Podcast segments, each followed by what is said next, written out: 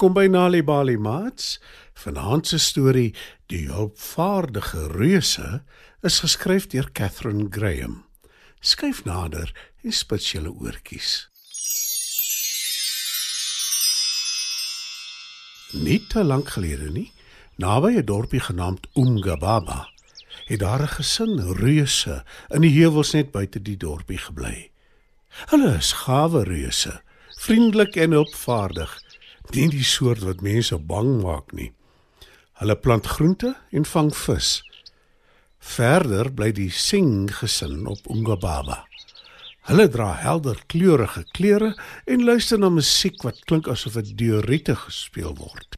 Maar die ding wat almal die meeste in die gesin laat belangstel, is die kos wat hulle maak. Dis vol speserye en kruie, veral russies, en dit ruik heerlik. Eenmiddag dryf die geur van mevrou Singh se kos tot by die ingang van die reuse se grot. Mm, ek moet uitvind wat so heerlik ruik. Sê Parius. Wag. Ons kom saam. Sê Marius en Max, hulle seun. Mevrou Singh hoor 'n klop aan haar deur en gaan maak dit oop. Voor haar sien sy drie pare reuse skoene en bene wat so groot is soos boomstompe. Sy kyk op en sy duins terug toe sy die drie reuse voor haar sien staan. Verskoon my asseblief, mevrou. Maar is dit moontlik dat jy 'n paar bakkies van jou heerlike kos aan ons kan afstaan? Vra Parius vriendelik. Mevrou Singh glimlag en antwoord: Ek moet julle waarsku, my currykos brand. Maar as julle seker is julle wil daarvan proe, skep ek met graagte vir julle daarvan op. Ja, asseblief. Antwoord die reuse. En mevrou Singh sê: Nou goed. Gaan sit gerus op my grasperk. Ek sal vir julle bring. Die reuse gaan sit op die grasperk en sy gaan in haar huis in. Na ruk kom sy uit met 'n skinkbord waarop daar 3 bakkies is. Die arme reuse. Die bakkies is baie klein. Dis amper om soos uit 'n vingerhoed te eet. Mevrou Singh moet hulle 'n hele paar keer hervul. Die reuse kom gou agter, sy was reg. Die kos is baie geurig, maar dit brand inderdaad hulle monde. Maar is so lekker, hulle kan nie ophou eet nie. Na ruk grom hulle mae. En toe spring pa reus skielik op en brul hard. En 'n vlam kom by sy mond uit. Dieselfde gebeur met Marius. En met Max. Die inwoners van die dorpie staan intussen nuuskierig nader om die betalje dop te hou. Baie dankie vir die heerlike kos, mevrou. Sê Parius en hy en sy gesin gaan terug na hulle grothuis toe. Die nag, terwyl die reuse slaap, breek daar 'n vuur uit op Umgababa. Die inwoners is verskrik en hardloop rond. Die hoof van die klein dorpie roep hard. Dis alles die reus se skuld. Hulle het ons dorpie aan die brand gesteek.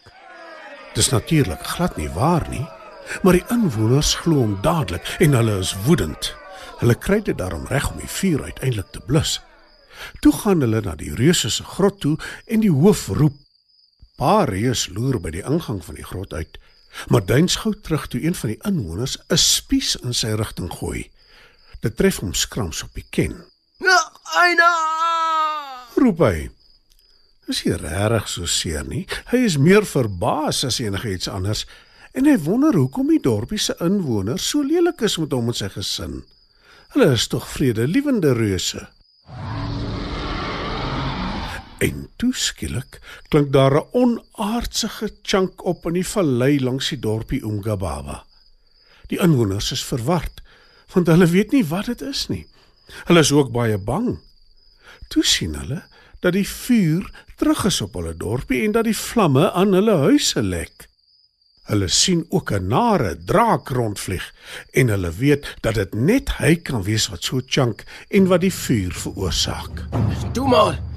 Gee my net van die brandkerry kos en ek los die probleem vinnig op. Ek sal van die draak ontslaa raak. beloof Pa Reus. Die inwoners vorm vinnige menslike tou van mevrou Singh se huis na die reuse se grot toe. Maar Reus roep die draak. Hy, jou nare draak. Kom hiernatoe. Na ons toe. Los die mense van die dorpie uit. Moenie hulle pla nie. Kom kyk liewer of jy ons huis kan afbrand. Die draak is nie gewoond daaraan om uitgedaag te word nie en dit maak hom baie kwaad. Hy vlieg woedend deur die lug tot by die reuse se grot en gaan staan voor die ingang en brul. Hoe durf julle my uitdaag? Ek weet jou ons kan meer en groter vuur blaas as jy. Roep Max terug. En dit is die laaste strooi vir die draak. Hy blaas 'n spierwit vlam by sy groot bek uit. Dit lek aan die rotse langs die reuse se grothuis en hulle moet vinnig maak dat hulle wegkom om nie in die vlamme vasgevang te word nie. Toe roep Parius uitdagend. Foei, as dit jou beste poging. Wat die draak nie weet nie, is dat die drie drake elk 'n groot bak van mevrou Singh se curry geëet het. Wat so jou nare draak? Roep Parius en hy blaas 'n lang sterk vlam by sy mond uit wat die draak heeltemal onkant vang en hom van sy voete afstoot. En dit Roep Marius en sy blaas ook 'n vlam in die rigting van die draak. En dit ook. Roep Max en hy blaas ook 'n vlam.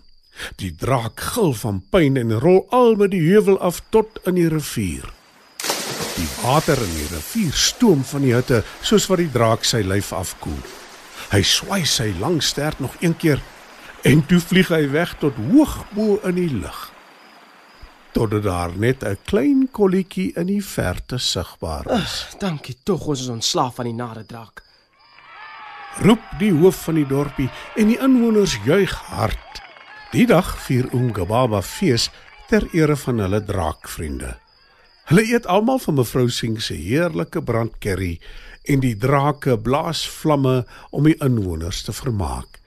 En niemand in Ungababa het ooit weer die nare draak gesien nie. Mats, dit was dan nog 'n Nali Bali storie.